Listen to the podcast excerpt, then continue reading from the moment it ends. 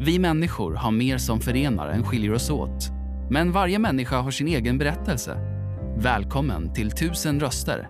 En podcast producerad av Hela Människan. Kyrkornas gemensamma sociala arbete.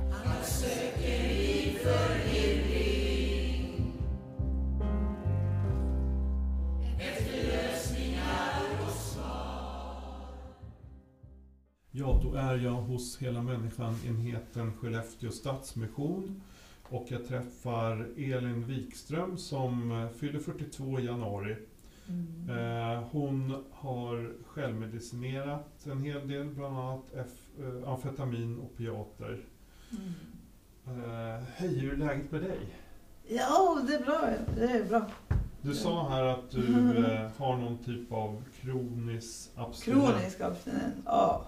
Vill du berätta vad är, vad är det? ja, alltså om vi säger så här.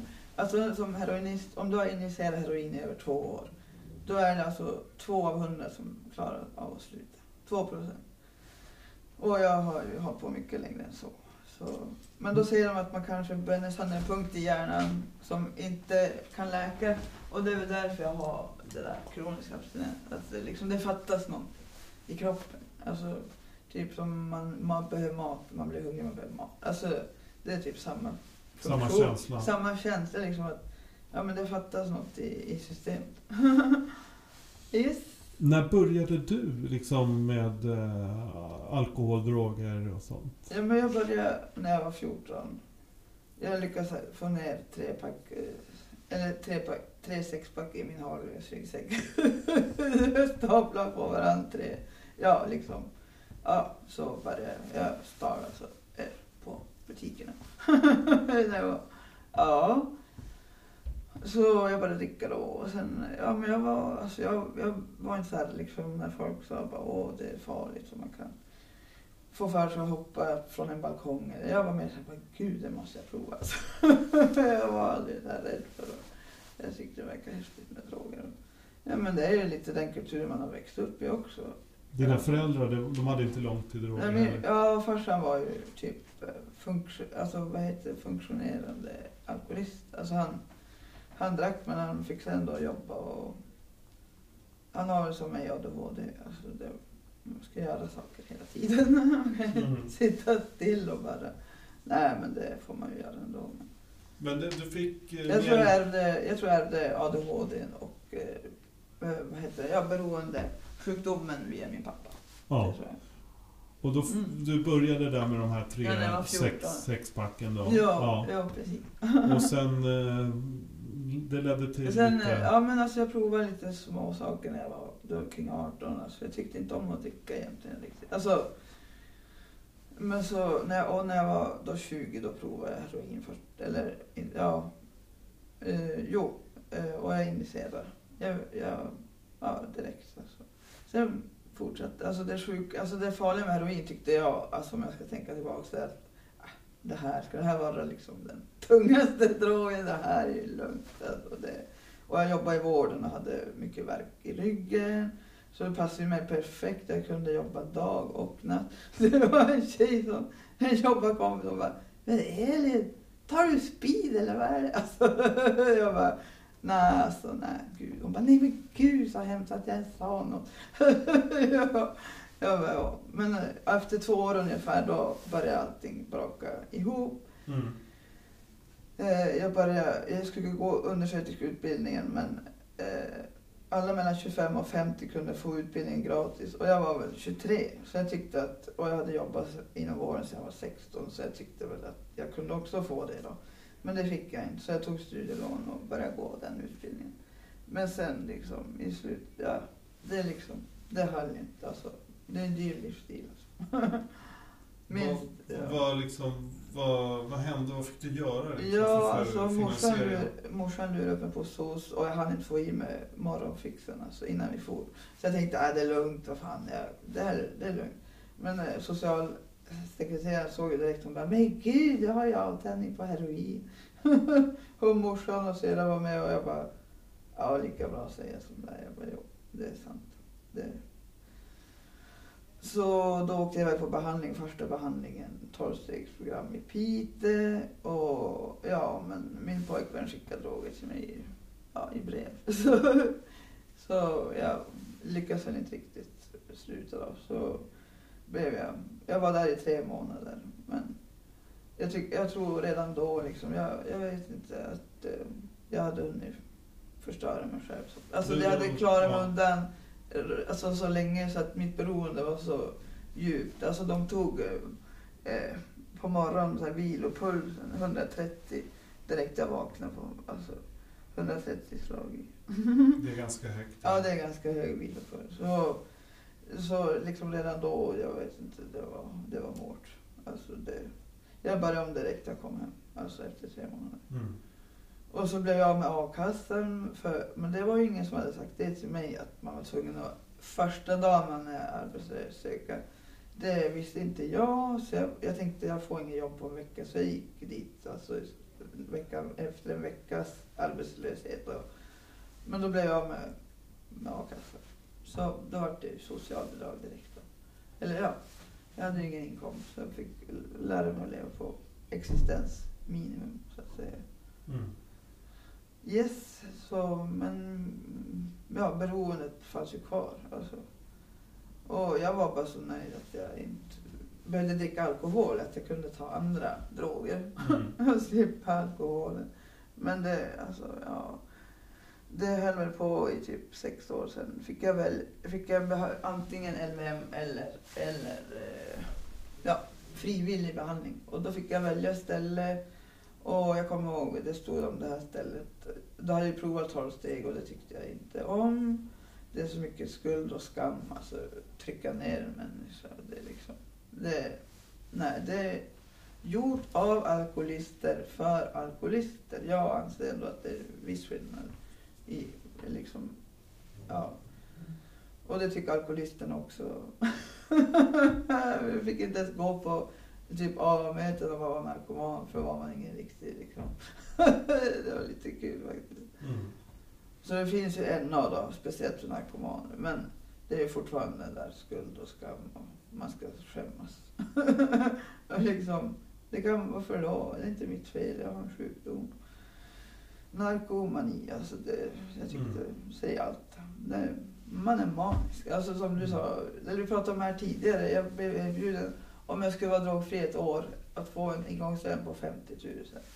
Alltså vilken dröm, eller hur? Jag tänkte utan utbildning, ingenting, få en lön på 50 000. Behövde jag bara vara drogfri ett år. ja, det gick ju inte. Det gick sådär. Mm. Ja, så nej men det, det, är- det är ingen, alltså det är en svår sjukdom. Folk, eh, jag tror många vet inte ens om att det är en sjukdom.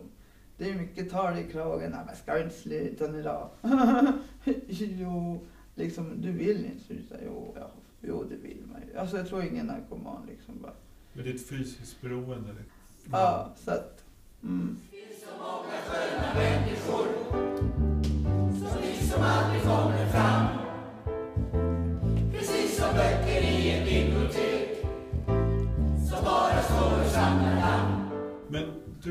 Hit till eh, Mm. Skellefteå Stadsmission jag ser att du har med dig en ja. matkasse. Yes, livräddande insats. Nej men alltså, ja men, ja men också gemenskapen också. Ja. Ja, ja, jo. Du, Så- men, eh, vad, vad betyder det att få komma hit till Skellefteå Stadsmission? Ja men det är otroligt. Alltså man vet att det vilar på kristen grund också, liksom grundtanken att ja, vi alla lika inför lagen. Liksom det.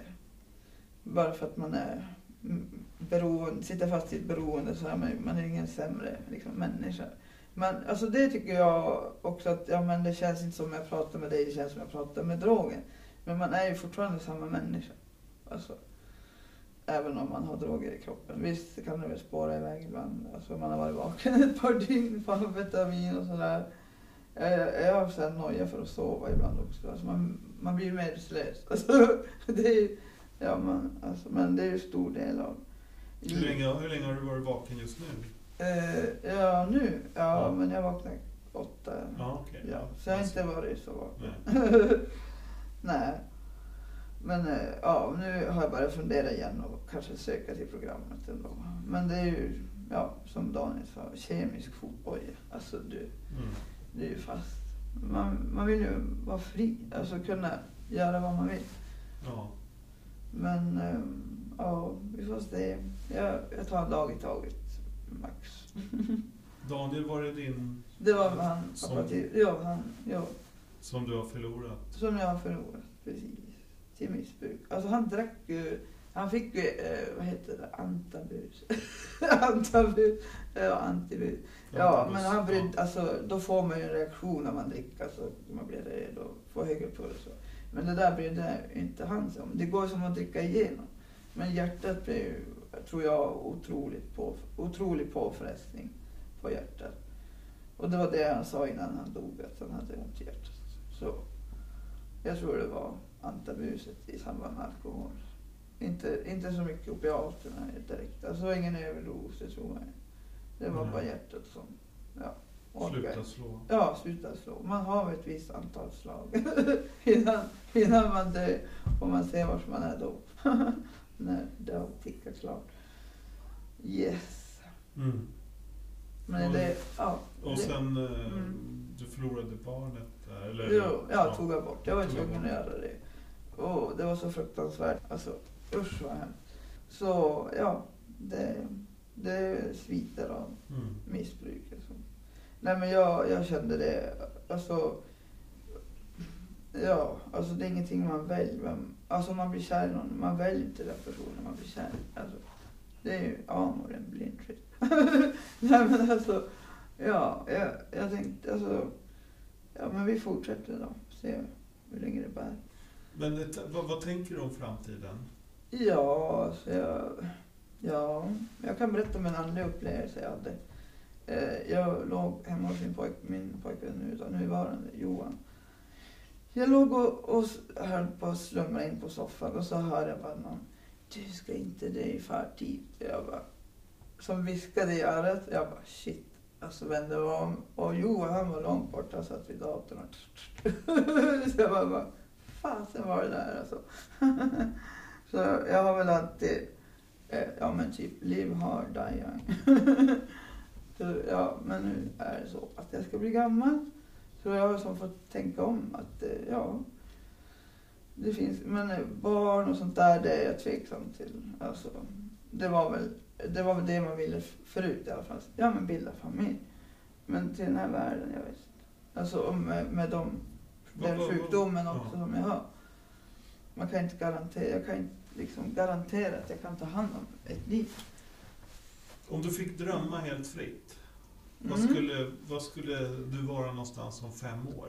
Ja, alltså jag är ju uppväxt på landet och det är liksom det jag känner. Odla grönsaker och ha djur och det, ja. Det, det är väl det. Vad skulle du behöva för att uppfylla den här, den här drömmen? Ja, alltså, men rätt mediciner tror jag. Att, att eh, jag, jag tror jag vet efter så här lång tid som självmedicinerare vet på ett ungefär vad som krävs för att hålla igång. Men alltså, jag våg, man vågar ju inte riktigt eh, drömma ens. Ja, mm, alltså varje dag är osäker, otrygg. Man vaknar abstinent, måste men nu har ju varit, man har ju varit med så länge så man vet ju typ hur man ska stötta upp det. Men det går som inte att ha någon framförhållning. Alltså, en del säger att narkomaner inte på lite. Ja, men alltså, det tror jag inte stämmer. Alltså, men däremot vet inte jag hur jag kommer må imorgon. Om jag har medicin eller inte. Förstår du?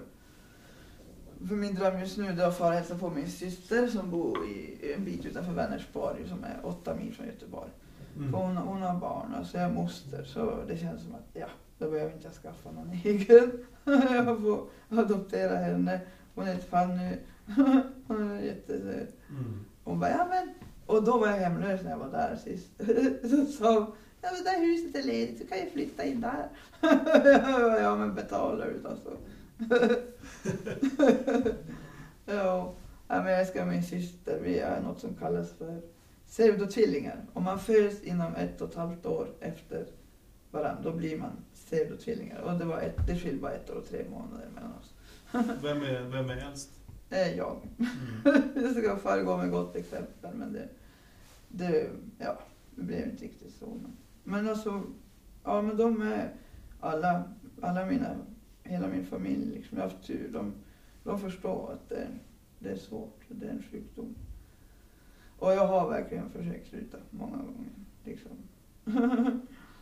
Men då har jag ju, ja, jag har ju diagnosen, eh, ja, grov ADHD. ADHD, ja skitsamma. Men jag tror det har blivit ADD.